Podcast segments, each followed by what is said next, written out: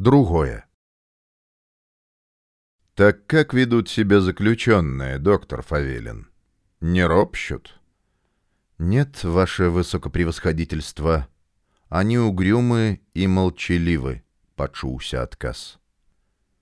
Доктор Фавелин сядзеў на крэсле перад вялізным сталом губернатара, уважліва сачыў за рухами и словами Муравьева. А как главный преступник, главный начальник Жонда Литовского, распорядитель мятежа в Литве, то бишь Калиновский? Пытанне прагучала як быццам бы і абыякова, але Фавелин ведаў, гэта не так.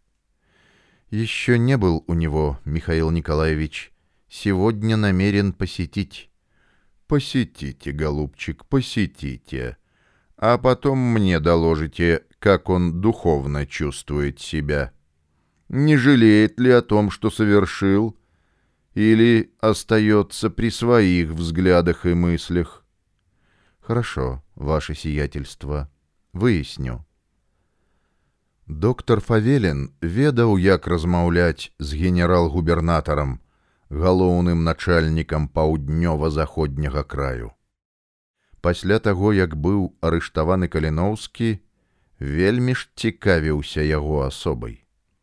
Абвіслыя шчокі густыя бровы навіслі над вачыма. Гладка прычасаны напамажаны і напудраны. Ён у свае 66 стараўся выглядаць малажава. Віцэ-губернатар у віцебску а потым у магілёве і во тут у вільні змог правесці ў жыццё некалькі рэакцыйных праектаў. Доктор Фавелін ведаў і пра тое, што толькі з яго ласкі перастаў існаваць віленскі універсітэт. Адмяніў на Беларусі і літве дзейнасць літоўскага статута. І да скасавання берасцейскай царкоўнай уніі спрычыніўся, пасля чаго і адбылося далучэнне уніяцкай царквы да праваслаўнай. Дакладней, праваслаўная паглынула яе. Цару спадабалася дзейнасць віцэ-губернатара. Ён увёў яго ў дзяржаўную раду, зрабіў міністрам дзяржаўнай маёмасці.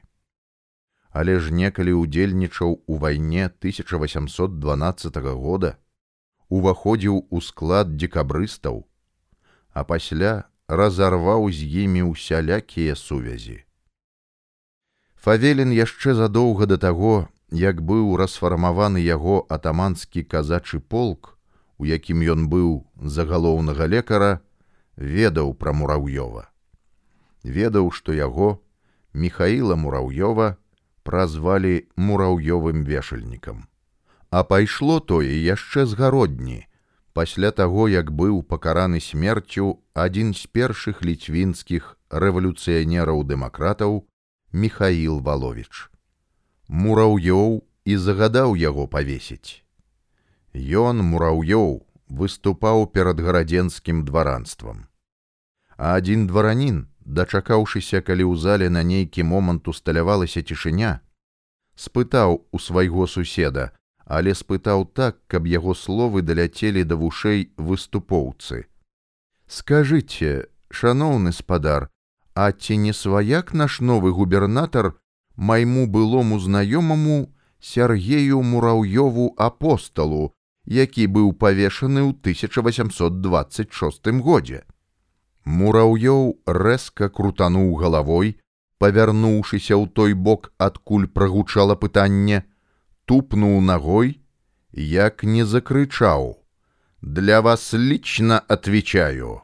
Я не из тех муравьевых, которых вешают, а я из тех, которые сами вешают». У дэмакратычных колах, да якіх належаў доктор Фавелін, не разу успаміналі гэты факт, прыпамінаючы і іншыя яго паводзіны. Мураўёў прызначыў яго, Фавеліна, асабістага лекара і доктарам усіх турмаў, куды заключылі зняволеных пасля задушэння паўстання. Фавелін хоць і належаў да мураўёўскага кола, але ў яго душы назаўсёды пасяліўся дух расійскага інтэлігента, высокаадукаванага і гуманнага чалавека. За што не раз мураўёў і ўшчуваў. Вы уж пожестче, батенька, пожестче с ними. Вы же русский человек и не жалеете литвинов, иначе они вас при первой же возможности на первом столбе повесят. Цяпер мураўёў пільна глядзеў на яго. Недаверлівы, насаты, ніжняя шчэлепа высунута наперад. У Петербурзе далі яму мянушку курносы і ярыга. Прыляпіліся да яго і другія мянушкі, двулікі янус і переадзеты мяснік. Перад тым, як прыехаць у вільню, за год да гэтага у жыцці вешальніка пачалася чорная паласа. Выкрылі яго ў казнакрадстве і іншых чорных справах. І Ясафат Агрыска, ліцвін, падняў на свет факты крадзяжу дзяржаўных грошай. Яму настрачілі найцудоўнейшы рэскрыпт, такі, як і ўсім тым, хто звальняецца, у якім выказалі падзяку за службу ім аказаную, і яшчэ пры гэтым выказалі шкадаванне аб расстройстве яго здароўя, хаця моцны ён быў як мядзведь. Па дахову ранейшыя ласкі яго вярнула, як ні дзіўна, паўстанне на Беларусі і літве. Александр II, як ніхто іншы ведаў, хто можа задушыць тое паўстанне і прызначыў яго адразу ж віленскім генерал-губернатарам. І ў сярэдзіне траўня мураўёў прыбыў у вільню, а праз чатыры дні адбыліся першыя пакаранні. У вільні быў павешаны святар ксёндзы шора, а ў менску расстраляны афіцэр цюндзявіцкі. Крывавы махавік губернатара набіраў и набирал хуткость. «Да, вот еще что», — одорвался Муравьев от своих думок. «Будете беседовать с ним, намекните, что я не такой уж кровожадный. Попросит помилования, мы пойдем навстречу. Может, он захочет со мной встретиться, скажите сразу же мне. Э, еще. Это уже по вашей части». Когда он учился в университете, не раз обращался к врачам по причине своего нервного расстройства. Вернее, не он, а его друзья. Если он пойдет нам навстречу, мы его освободим и сохраним жизнь по причине его тяжелого душевного заболевания. И ни один инсургент не узнает, по какой настоящей причине мы его помиловали он останется героем и несломленным революционером в сердцах потомков. Я понимаю, Михаил Николаевич. Я постараюсь склонить его к этому. Мне было бы интересно встретиться с ним, хотя он и враг Российской империи. Видимо, не глуп, разучился в Петербургском университете. Неужели не знал, что его мятеж обречен на поражение? Фавелин молчал, только кивнул на знак разумения головой. Если мы сломаем его бунтарскую волю, то отыщем ключ к тайнам революционной организации. Мы должны упредить на будущее, чтобы не было повадно и другим бунтарям восставать против Российской империи.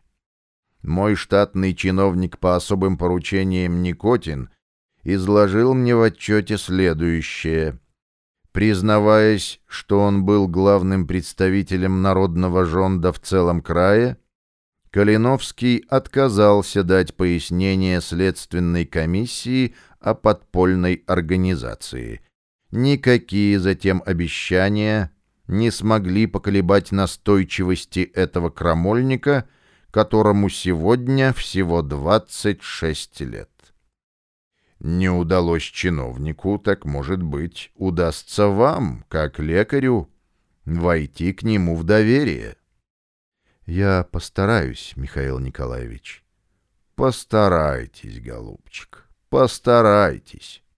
На благо великой России постарайтесь.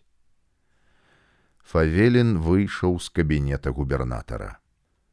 Доўга не праходзіла тое прыкрае здранцвенне, якое кожны раз ахоплівала яго пасля гаворкі з мураўёвым.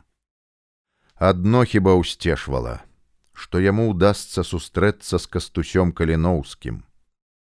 Але перад гэтым трэба абавязкова пабачыцца з макрыцкай, параіцца з ёю, як сябе паводзіць.